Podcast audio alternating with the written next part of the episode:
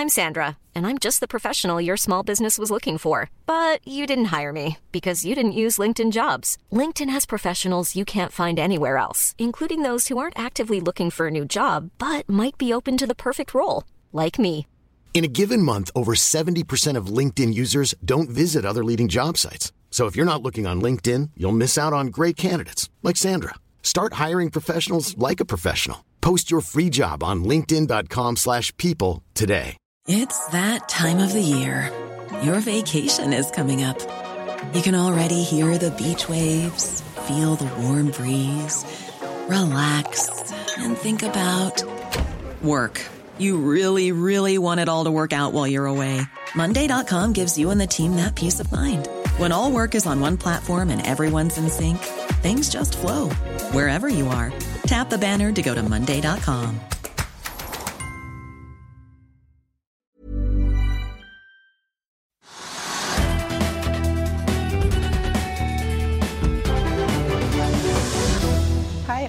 velkommen til Økonominyhetene. I dag har vi med oss Frank Jullum som gjest. Vi skal eh, få DNB-porteføljen for denne uken. Men først skal vi kjapt innom Oslo Børs. Eh, Der faller de litt tilbake mandag etter opptur fredag før stengetid med ca. 0,2% til 904,4 poeng. Og det var da utfallet av OPEC-møtet som trakk opp ved ukeslutt etter nyheten om ytterligere reduksjon i oljeproduksjonen. Oljeprisen går også tilbake til ca. 63,7 dollar fatet etter en topp på fredag på 64,6 dollar. Av de store selskapene faller Equinor, Telenor og Yara, og det samme gjør flere av shippingselskapene, mens eh, Norsk Hydro, Nell og Frontline stiger. Og nå skal vi da over til dagens gjest, det er Frank Jullum, sjeføkonom i Danske Bank. I dag så la jo SSB frem eh, BNP-tall for uh, oktober. Eh, Det var 0,1 eh, vekst. Det var ventet sånn ca. 0,2% i snitt av økonomene. Hva syns du om tallene? Nei, det Tallet var litt på nedsida. Eh, Det er jo litt svingninger måned-månedtall, så det vi ofte liker å gjøre, er å se på tre måneders glidende gjennomsnitt for å få litt mer trenden i det. Og da er jo veksten på 0,3% de siste tre månedene. Det er laveste vi har hatt på over et år. Så det er ingen tvil om at det er en vekstavmatning på, på gang. Ser en litt på detaljene, så er det svak utvikling i forbruksveksten. Eh, Og det tror jeg skyldes mye struktur og ikke så mye eh, konjunktur. Altså, vi tror ikke det er kjøpekraften i husholdningene som er problemet. Problemet er at uh, varemønsteret, vare, handlemønsteret har endra seg. så Tjenestekonsumet går relativt bra. Så Det var det viktigste. Mens investeringsveksten er relativt bra ennå. Men det er en avmating på gang. og Det var jo egentlig også venta. Vi har jo hatt vekst godt over trenden nå ganske lenge i, i Norge. Men er det da på nedsiden av det Norges Bank legger til grunn? Ja, hvis det, det er jo vanskelig å si det er to måneder igjen av fjerde kvartal. Eh, men du skal ha ganske bra løft i veksten i november og desember nå for at du skal få den halvprosenten i vekst som Norges Bank har for fjerde kvartal. Så litt på undersida av Norges Banks anslag, det var det. Men eh, når det er sagt, så tror jeg det regionale nettverket som kommer i morgen klokka ti fra Norges Bank, blir mye viktigere for Norges Banks syn på norsk økonomi. Den har vist seg å være mer treffsikker på, på vekstutviklinga i Norge enn det BNP-tallet er, faktisk. Men du sier at det er forbruk som trekker litt ned.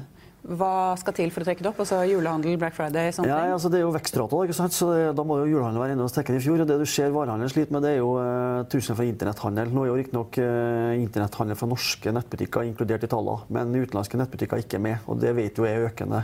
Uh, så du sliter litt med motvind derfra. Det er litt sånn handelslekkasjer. Det er også handelslekkasjer til Sverige. Det ser jo på handelsstatistikken. Er, ganske, det er større og større beløp hvert år. Uh, og så er det jo en, det nye er jo en, eh, det er på en måte sirkulærøkonomitanken, eller resirkuleringsøkonomien. altså gjenbrukssamfunnet, da, som gjør at du pga. klimahensyn ikke skal bruke så mye som før. Og så, videre. så det blir litt mer upopulært å ha eh, sterk vekst i forbruket. Da. Så Det trekker også ned. Så det er sånn strukturelle motvinder i varehandelen. Men eh, ser du på tjenestekonsumet, så går det ganske bra, som egentlig understøtter at inntektsveksten egentlig er ok. Men det regionale nettverket i morgen, hva tror dere at det kommer til å Nei, vise? vi, vi tror at det kommer ut på en sånn i området 1,1 til 1,2. Eh, oversatt så vil det bety 2,2 til 2,4 vekst årlig i eh, første halvår neste år. Og Det er lavere enn det vi har hatt i første halvår. Vi har hatt en vekst på godt over 2,5% og kanskje nærmere 3% i første halvår. Eh, men det er fortsatt over normalveksten. Så Normalveksten i Norge er rundt 2% og Når jeg sier normalvekst, så betyr det på den vekstraten vil ledigheten være uendra og kapasitetsutnyttelsen uendra. Så fortsatt vil vi ha vekst over trend inn i første halvår neste år, tror vi da. Mm, det er, det er ikke sikkert at alle våre seere vet hva det regionale nettverket mm. viser, men hva, hva indikerer det? Nei, altså det, det Den viktigste indikatoren det er eh, der bedriftene altså Det er jo 400-500 bedrifter som er med i det nettverket. og De blir jo spurt via et sånt dybdeintervju. Eh, og Da er det vekstutsikter for neste seks måneder som er viktigst. Og Grunnen til at både vi og Norges Bank og alle andre analytikere liker det, er at det er blitt en veldig god indikator for aktivitetsnivået i Norge. Eh, og det jeg tror det er Norges Banks faktisk foretrukne konjunkturindikator. Og Der blir han også spurt på hva er vekstutsiktene neste seks måneder. Og det har vist seg å være veldig veldig eh, treffsikkert til, til, å treffe på veksten eh, neste to kvartalene. Så Det er egentlig eh, bakgrunnen for den store interessen rundt den. Mens BNP-tallene kan variere mer fra kvartal til kvartal, måned måned, og kan også være utsatt for litt sånn tekniske ting. F.eks. i tallene som kom i dag, så ser vi at det var en ganske kraftig det vi kaller lagernedbygging. Som rett og slett er at etterspørselstallene var mye sterkere enn produksjonstallene. Det gapet mellom der er lagerbygging. Det er Ingen som vet hva det skyldes. Eh, det, du har litt sånne tekniske ting, ikke sant? for at det er vanskelig å regne opp eh, BNP-tallene. Så Derfor så er det regionale nettverket viktig. og Det tror jeg blir helt avgjørende for de signalene Norges Bank kommer til å gi neste uke. Det er hvor sterk veksten eh, vil bli framover. Ja, for det er jo da årets siste rentemøte 19.12. Hva tror dere kommer til å skje da? Nei, Vi tror ikke de rører renta. Så all spenninga knytter seg til hvilke signaler man vil gi videre. Mm. På møtet i september så sa de jo at rentetoppen nå sannsynligvis er nådd. Hvis du kikker på rentebanen, så sier det en sånn 40 sannsynlig for en renteøkning i løpet av første halvår neste år, og faktisk en ganske stor sannsynlighet innen, innen mars-møtet. Nå har vi hatt en periode siden møtet i september der oljeprisen er litt høyere enn venta. Valutakursen er betydelig svakere enn venta globale risikoen betydelig mindre enn jeg så for seg i september. Jeg tror ikke det påvirker vekstanslaget deres, men neserisikoen har blitt mye mindre. Og Samtidig så, så ser du kanskje tenkt at ledende indikatorer i eh, global økonomi også er litt bedre enn det som var i hvert fall frykta. Så da gjenstår vi med én variabel som, eh, som, vi ikke vet ennå. Det er jo eh, vekstutsikter for norsk økonomi i første halvår neste år. Så får vi en vekstrate omtrent der vi venter litt høyere, så må Norges Bank i neste uke signalisere at sannsynligheten for renteøkning i 2020 er 50 eller høyere. Eh, på fredag så var eh, Kari Due Andresen på besøk her, sjeføkonom i Handelsbanken. Og hun mener at eh, den siste renteøkningen til Norges Bank i september var unødvendig, og også eventuelt kanskje renteøkningen før. Hva mm. mener du om det? Nei, Det er vi jo helt uenige i. Det er ikke noe nytt i det. Nei, altså det, det, det hvis du ser på norsk økonomi, så er, så det ingen eh, ting som tyder på at rentenivået som begynner å bite, at rentenivået i Norge er for høyt. Vi bruker jo eh, regulering til å klare å regulere boligprisveksten. Det er også en viktig årsak til at, gjeldsveksten er på vei nedover. Og hvis du ser på investeringsveksten i fastlandsbedrifter, altså uten boligsektoren, så er den veldig veldig god. Så det er ingenting som tyder på at rentenivået i Norge er for, eh, er for lavt. Snarere tvert imot. Vi har jo ganske negative realrenter hvis du ser i forhold til lønnsvekst og også i forhold til inflasjon. Så, så det er vi egentlig litt uh, uenig i. Det er vanskelig å si liksom, hvordan norsk økonomi har sett ut hvis du ikke har satt opp renta i september. Jeg tror ikke det er sånn helt avgjørende. Men det, men det å si at den var unødvendig, det, det er vi vel egentlig uenige i. Som sagt, vi tror det er mer sannsynlig at det kommer en renteøkning til i 2020 enn at det ikke kommer en renteøkning. Men hvis man ser ute, så er jo da rentene i Sverige negative. i EU-negative, USA på vei ned. Mm. Er det ikke da litt rart hvis Norge skal fortsette opp? Ja, men Det er jo det som er fine med valutakursen. ikke sant? Altså, tidligere har jeg vært vant til at uh, hvorfor kan ikke Norge ha høyere rente enn alle andre settende renter? Altså, hvis vi har vært i konjunktur, uh, en, uh, annen konjunktursykkel enn andre land, jo, da har vi ofte fått en veldig sterk krone. Og det som har skjedd i oppgangsperioden her, er av ulike grunner så har krona fortsatt å svekke seg. Så det betyr jo at hvis det er sånn at eh, sammenhengen mellom rente i Norge og valutakursen da har endra seg eller forsvunnet, ja, så kan du sette en rente som passer norsk økonomi uten å tenke på valutakursen. Så det er jo egentlig eh, sånn, det, det, som er nytt i den konjunkturoppgangen her, det er jo at valutakursen reagerer motsatt av det vi vanligvis har sett. Og det betyr at du kan sette rente som passer innenlandsk økonomi. og da er det vanskelig å argumentere for at rentenivået i Norge er for lavt. Du kan godt si at vi er nærme toppen, det er vi helt enig i. Men at det, om den er 1,50 eller 1,75, det er ikke så lett å si. Men at den er øh, for lav, det, det, det er vanskelig å peke på enkelte faktorer som, som skulle bekrefte det. altså. Men det at uh, kronekursen nå ikke reagerer så mye på rentesettingen, det gjør det enklere for Norges Bank? da? Det, det betyr rett og slett at du kan sette en rente som passer norsk økonomi. Vanligvis har vi hatt en målkonflikt. Du har hatt oppgangen i 2007, du har hatt oppgangen i 2013. Det var sterk vekst i norsk økonomi, sterk lønnsvekst. Innenlandsk inflasjon var høy, som egentlig tilsa høyere rente. Gjeldsveksten var høy, boligprisveksten var høy. Men så var valutakursen sterk, som gjorde at importinflasjonen falt. Og da måtte du faktisk i 2012-2013 måtte du sette ned renta fordi krona holdt på å bli altfor sterk midt i en oppgangsperiode. Da var det en målkonflikt mellom ulike hensyn til, i, i rentesettinga. Nå er det ingenting som tyder på det. Nå trekker veksten i norsk økonomi fort, fortsatt over trend, som jeg sa. Eh, lønnsveksten er på oppover, innenlandsk inflasjon er på oppover. Eh, og Samtidig er da valutakursen svakere enn venta. Alle faktorer som egentlig bestemmer rentesettinga, har, har, egentlig pekt i retning av høyere rente. Um, og vi har jo snakket om at kronen har vært veldig svak. Hva venter dere kommer til å skje nå? Både frem til jul og for så vidt til neste? Ja, Desember er det jo ingen som vet. Det er Det holder igjen med desemberlikviditeten i norske kronemarkedet. og liksom, Alle har jo forventa at krona skal svekke seg, for det er litt, fordi det er litt sånn eh, ja, investoratferd som gjør at eh, krona svekker seg. Eh, men nå fikk vi en veldig kronesvekkelse i forkant. der, altså I oktober svekka krona seg veldig mye mer enn det alle hadde regna med. altså Krona svekka seg fra 9,70 til 10,30 fra rentemøtet i september, da Norges satte opp renta, og, og, i løpet av neste seks uker. Det var jo litt overraskende. Så det vi tror egentlig er at eh, ja, da vil vi se en svak krone i desember i år, men kanskje ikke så veldig mye svakere enn det vi har sett de siste, altså 10-10 til 10,20 mot euro. Utover i 2020 så tror vi jo igjen på sterke kroner, faktisk. Vi må gjenta det eh, budskapet der vi som sagt, vi tror at veksten i Norge holder seg opp, at sannsynligheten for renteøkning kommer til å bli være økende. Og så ser vi at det globale risikoen blir mindre, og det vil jo vanligvis støtte kronekursen. Og så må vi huske på en ting til, og det er at eksportoverskuddet kommer til å øke neste år når vi får i gang produksjon på Sverdrup for fullt. Da kommer rett og slett oljeinntektene til å øke, og det skal veksles tilbake på et eller annet tidspunkt, så det blir større kroneetterspørsel. Så de tre tingene der er egentlig liksom de grunnene til at vi tror krona kommer til å styrke seg ut gjennom 2020. Men hva blir det nye normalnivået? Det, det, er et godt spørsmål. Det er ingen som vet. Altså. Det, men eh, det er veldig mye så Hvis du ser på hvordan eksportrettet sektor i Norge har gått nå, midt i en ganske kraftig global nedgangskonjunktur, særlig industrinedgang, så har jo norsk eksportindustri klart seg veldig bra. Og det er nok sannsynligvis fordi kronekursen er mye svakere enn det du regna med, så at lønnsomheten eh, holder seg opp. Så eh, vi tror nok at i hvert fall likevektkurset er betydelig lavere enn den kursen vi har hatt nå, også 10 blank. Vi tror kanskje at den er nærmere 9 eller 8,59 et eller annet sted der. Men det er neppe 7,25 sånn som vi så i 2013-2014. Og det har jo noe med lønnsomheten og vekstbidragene fra de oljerelaterte sektorene i Norge. Også det at den perioden der vi brukte veldig mye mer penger over offentlig budsjett hvert år, den perioden er, bak oss. da. Men uh, det er jo det vi får testa nå. det er jo Hva er det nye likevekstnivået for kronekursen? Men hvis vi skal tipse, vil jeg tippe at den ligger i underkant av 9 istedenfor 10, eh, som vi ser nå. Men skal vi tilbake dit allerede til neste år? Skal vi tilbake der? Nitallet allerede ja, jeg tror vi får se nitallet på krona mot euroen løpet av neste år. Mm. Mm. Ved inngangen av året så hadde jo dere mange forventninger, som alle andre økonomer. Mm. Hva er det som har overrasket mest? Eh, ja, det, det, er vel egentlig. Altså, vi var jo, vi var jo useriøse i inngang til året så var det jo en periode sånn, da hadde jo nettopp hadde kraftig børsfall gjennom høsten, og det var stor usikkerhet rundt eh, handelssamtaler mellom eh, Kina og USA. Det som har overraska oss mest, er jo hvor volatil bevegelse har fått i markedet som følge av det. altså Hvor stor usikkerhet har vært knytta til frem og tilbake rundt avtale, ikke avtale mellom USA og Kina, som har påvirka markedet veldig. Men det som kanskje har overraska oss mest, vi skal se tilbake hvis vi hadde visst at global økonomi skulle gå så svakt i 2019 som den har gjort, så hadde vi blitt veldig overraska at veksten i Norge holdt seg så bra. Vi hadde ikke et bilde der vi trodde at global økonomi skulle ta seg litt opp, at vi skulle få sterkere vekst i Norge. Men det at norsk økonomi har holdt seg så godt til tross for det fallet vi har sett i global økonomi, det er nok eh, det som overrasker oss sett i ettertid. Eh, og hvis du da skal se for, eh, for, neste år, hva tror dere da? vi tror veksten i norsk økonomi holder seg over normalen.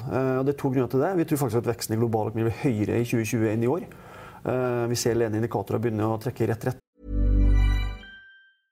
I'm Sandra, and I'm just the professional your small business was looking for. But you didn't hire me because you didn't use LinkedIn jobs. LinkedIn has professionals you can't find anywhere else, including those who aren't actively looking for a new job, but might be open to the perfect role, like me. In a given month, over 70% of LinkedIn users don't visit other leading job sites. So if you're not looking on LinkedIn, you'll miss out on great candidates like Sandra. Start hiring professionals like a professional. Post your free job on linkedin.com slash people today. I'll see you in court.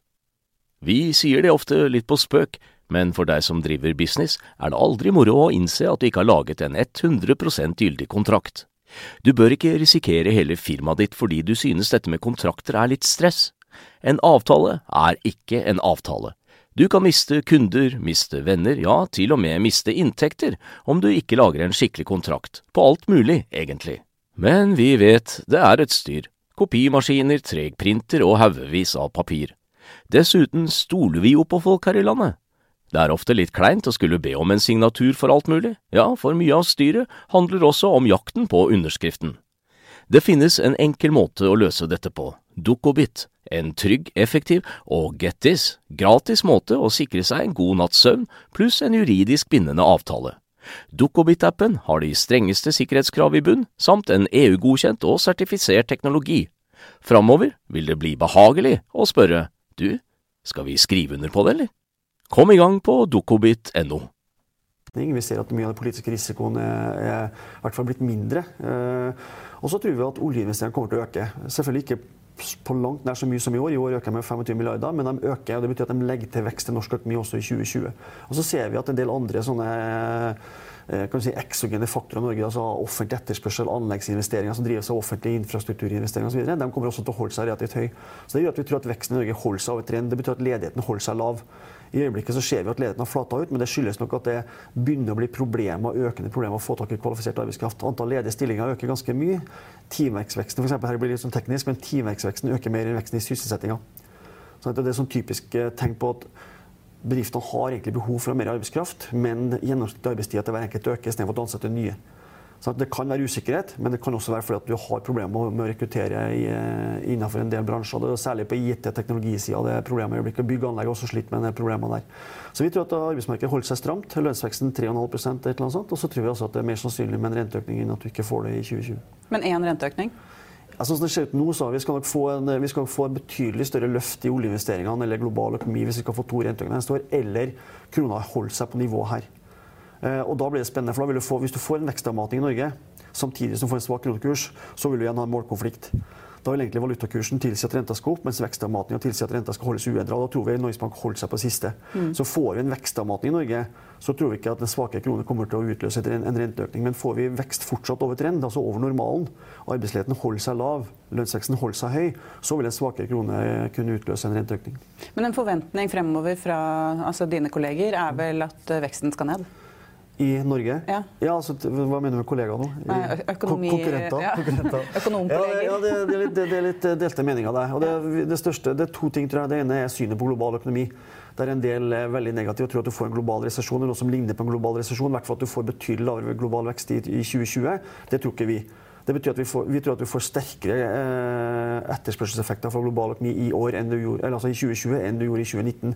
Så Det kommer jo til å bedre utsikter for Norge. Og Det andre er vel usikkerheten rundt forløpet for oljeinvesteringene. Så at De aller fleste er enige om at ja, her får en avmating i veksten, men det jeg tror vi er uenige om, det er liksom profilen på det, hvor fort det går. Mens vi ser liksom oljeinvesteringstellinga nå tilsier sånn 2-3% vekst i investeringer neste år, så betyr det egentlig at aktivitetsnivået kommer til å øke i hvert fall i første halvår 2020. Så må vi se da, om du da vil, når du begynner å få signaler om 2021 det er jo det som egentlig er stor usikkerhet nå, det er oljeinvesteringene i 2021. Men uh, foreløpig så ser det ut som om vekstraten i uh, investeringstakten i Nordsjøen da, holder seg på sånn uh, 2-3-4% i, uh, i 2020. Og med høyere global vekst og med vekst i oljeinvesteringene, så er det vanskelig å se for seg hva som skal drive norsk økonomi ned i en, i en vekstundertrend eller i en nedgangskonjunktur. Da. Da, da må det være at, at Handelsbanken har rett i at rentenivået i øyeblikket er for høyt. Da. Det tviler vi egentlig på. Eh, og Hvis man ser da ute hva som kan være de største risikoene utenfra, så har du jo da hatt handelskrig i Kina. Mm. Eh, Trump han er jo litt i tottene på Frankrike også. Mm. Hva kan det ha å si for neste år? Nei, Vi er, vi er litt usikre på hva det egentlig skyldes. Altså det At du tar opp Frankrike nå som en sånn uh, midt, midt, i sluttforhandlingene her. Vi, de er jo sannsynligvis i sluttfasen av denne fase 1-avtalen mellom USA og Kina. Og hvorfor da Trump plutselig kommer opp med Frankrike og Europa ikke sant, på, på nytt igjen, det er, jo, det er vi litt usikre på. Skyldes det at en ser seg rundt om etter andre kandidater til å, til å øke tollsatser? Er det et signal til Kina om at tollkrigen ikke er over, og bare vent, hvis du ikke går på avtale, så vil vi, har vi mulighet til å øke tollsatsene? Eller, eller, er det sånn generelt uttrykk for at det er det viktigste virkemidlet i all politikk? Altså hvis, hvis land ikke oppfører seg sånn som USA vil, så vil de da, vil de da drive økonomisk eh, eller sanksjoner eller, eller eh, handelspolitikk eh, eller handelspolitiske hindre mot de landene. Det vet vi ikke. Foreløpig, så, når vi ser på en liste over varer som da ble, ble foreslått der, så var det et par av nederlandske oster, f.eks. Så det er jo ikke full kontroll på, på virkemiddelbruken her. Så, men, men, vi kan si sånn at vi har jo prøvd å ha en modell for, for en spillteoretisk modell der vi skal på en måte Eh, bestemme utfallet av konflikten mellom USA og Kina. Problemet vårt var jo at den modellen forutsetter rasjonelle aktører. Eh, og Når du da ikke oppfører deg rasjonelt, altså det som er økonomisk rasjonelt, så er det vanskelig å gjette. Altså. Så Det er utrolig uforutsigbart, og risikoen er, er stor på begge sider. Men den er betydelig mindre nå enn den var for tre måneder tilbake. Det viktigste tror vi at hvis vi har sett tegn til at de folka rundt Trump i, i Hvite hus begynner å bli bekymret, begynte å bli bekymra for amerikansk økonomi. Og så så du at de, sånn som de tollsatsene var innretta, så ville det bli mer og mer effekt på amerikansk økonomi utover i 2020. Og du skal inn i et presidentvalg eh, på vårparten her, så vi tror fortsatt det er sånn at USA ser seg veldig tjent med å i hvert fall ikke eskalere konflikten på det nåværende tidspunkt. Hva som skjer hvis Trump blir gjenvalgt 2020, det er et annet spørsmål. Om da vil si at her har en fireårsperiode til å virkelig gjøre alvor av, av truslene om å, om å, gå mot Kina på, si, på, på litt annen banehalvdel, den, den, består. Men som fram til det valget så, så tror jeg at sannsynligheten for en eskalering her er mindre, rett og slett fordi at det vil være veldig veldig risikabelt for, for Trump innenrikspolitisk. Nå får vi se da fremover om det er noen som klarer å lage en økonomisk modell som klarer å fange opp hans ja, det, altså, Jeg tror ikke engang politiske analytikere klarer det. Sant? Så det, det, det, har, det er det som er litt av problemet for analytikere. Det har jo blitt veldig uforutsigbart. Eh, og det er veldig sånn, kalles sånn humørsvingning, eh, kanskje. da. Men, men, og det må jo også være vanskelig for, for Kina å forhandle med, med, en sånn motpart.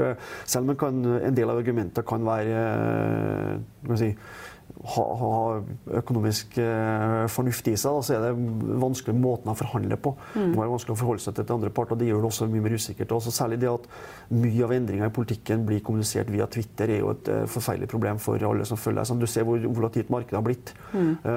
På, på, tirsdag så kommer det en melding om at vi er nære forhandlinger. På torsdag kommer det en melding om at nå er det tollsatser på Frankrike. sånn at Markedet går jo eh, 1 2% av aksjemarkedet og 10-12 punkter i en tiårsrente i USA mm. på de nyhetene. Det, det er utrolig vanskelig å og, og utfordringer. Da, da, er det kanskje best liksom, å enten sitte helt i ro i båten, da, eller, eller, bare en måte se gjennom, uh, se gjennom all støyen. Men det, det, er vanskelig. Det er blitt det. Ja. Så Hvis vi ser bort fra uh, uro utenfra, så mm. venter i hvert fall danske bank at det skal komme sannsynligvis én renteheving til til neste år, og at uh, kronen vil styrke seg litt mot euro. Og nå skal vi få DNBs aksjeportefølje.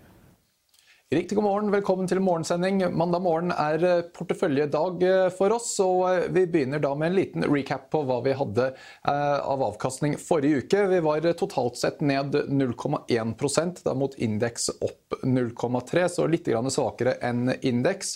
Men hittil i år så er vi fortsatt litt foran indeksen, da opp 16,3 mot indeks opp 14,6. Hvis vi ser litt nærmere på noen av de enkeltaksjene i porteføljen, så var det Europris, Entra og Evry som eh, ga best avkastning. Eh, litt imponert at eh, Entra var på plussiden, for der var det en plassering forrige uke som trakk kursen ned da, på plasseringsdagen, men den endte uken opp 1,5% så det viser ganske solid styrke der, syns jeg. Evry da også opp 1,5% og Europris opp 1,1 det som var svakest forrige uke, var eh, Frontline. Den var ned 1,7% og kanskje ikke så rart, eh, kunne man tenke, når OPEC eh, annonserte produksjonskutt. Men egentlig så kom det fallet før OPEC annonserte noe kutt. Og egentlig på fredag så var aksjen relativt sterk, og i USA på fredag kveld så var den ytterligere opp 1% Så det virker som kuttene der ikke var store nok til å skape noe særlig problemer for sektoren innenfor tank. Det blir ganske bra tilbudsvekst vekst eh, blant eh, non-OPEC i løpet av neste år. Så sånn sett så blir ikke de kuttene kanskje så dramatiske. Og også litt når man ser på detaljene rundt de OPEC-kuttene, så skulle mye komme fra Saudi, men det var da basert fra Saudis produksjon i oktober som da var en del høyere enn gjennomsnittet for året totalt sett. Så Sånn sett så kommer egentlig mesteparten av kuttet kan du si, egentlig fra at de som har produsert litt mer enn kvoten, kommer til eh, antageligvis da å produsere litt nærmere det de har egentlig eh, sagt at de skal gjøre. Så litt grann lavere OPEC-produksjon tror jeg man kan vente. Oljeprisen kom litt grann opp på det. En ting som var litt skuffende forrige uke, da, til tross for en bra uke for olje, så var både Aker BP og Equinor litt ned. Litt vanskelig helt å forklare hvorfor det skulle være sånn. Så vi hadde egentlig regnet med at med den oljeeksponeringen så skulle vi være godt posisjonert for et eh, eventuelt kutt fra OPEC. Vi velger å gjøre ingen endringer i porteføljen denne uken, så håper vi da for de får kanskje en liten catch-up i de to oljeselskapene som da ikke fikk noe særlig eh, glede av den høyere oljeprisen. Ehm, ellers så er det en del ting å følge med på i løpet av denne uken eh, som kommer. Vi har bl.a. Fed-møte på onsdag. Det er ikke noe forventet endring i rentene der, men eh, alltid litt interessant å følge med på hva de har eh, å si. Vi får også inflasjonstall fra USA på onsdag. Så er det ECB-møte på torsdag. Og så innen søndag neste, denne uken, så må vi da ha eh, en eller annen fase 1-avtale mellom USA og Kina. For Hvis det ikke kommer, så er det søndag 15. som er deadline for at USA skal da begynne å sette opp eh, tollsatsene på flere kinesiske varer. Så det blir nok mye fokus på akkurat det med handelskrigssituasjonen gjennom uken. Det at eh, markedet har hatt en ganske sterk uke, øker kanskje risikoen at Trump føler han har litt mer å gå på her, og kanskje kjører en litt tøffere linje. Så Sånn sett så blir det en ganske spennende uke å prøve å forstå helt eh, hvordan det kommer til å spille seg ut. Jeg tror markedet egentlig antar at det blir en eller annen eh, avtale, så hvis det ikke kommer, så tror jeg det er litt på den negative siden. Men det å prøve å beregne helt hva som kommer til å skje i sånne situasjoner, er selvfølgelig veldig vanskelig å gjøre, så her må man egentlig bare følge med gjennom uken. Da tror jeg vi runder av der, så ingen endringer i porteføljen denne uken. og Da er vi tilbake igjen samme tid i morgen. Og Da skal vi over til børsene i Asia. Der var det stort sett en blandet start på uken. Nikkei Tokyo steg 0,3% mens Topic steg 0,5 Hang Seng i Hongkong beveget seg rundt nullpunktet. I Singapore endte STI ned 0,5% og i Sør-Korea steg Kospi med 0,3% CSI 300 endte ned 0,2 og Markedene i USA har akkurat åpnet. Før helgen pekte pilene opp på den amerikanske børsen, men i likhet med her hjemme var det ventet en negativ børsåpning i dag. Den ble blandet der Dow Jones, uh, Dow Jones uh, falt, mens SMP 500 og Nasdaq steg. Eh, og da skal du skal videre til Finansavisen i morgen. Da kan du lese Trygve Hegnars leder om Jonas Gahr Støre, Arbeiderpartiets fall på valgbarometrene. Du kan i tillegg lese om luksus-elbiltrenden og mange andre gode finansrelaterte saker. Husk også at du kan høre våre børskommentarer og gjesteintervjuer i vår podkast. Den finner du da på finansavisen.no slash podkast. Det var det vi hadde i dag. Du ser oss igjen i morgen klokken halv fire. Vi ses.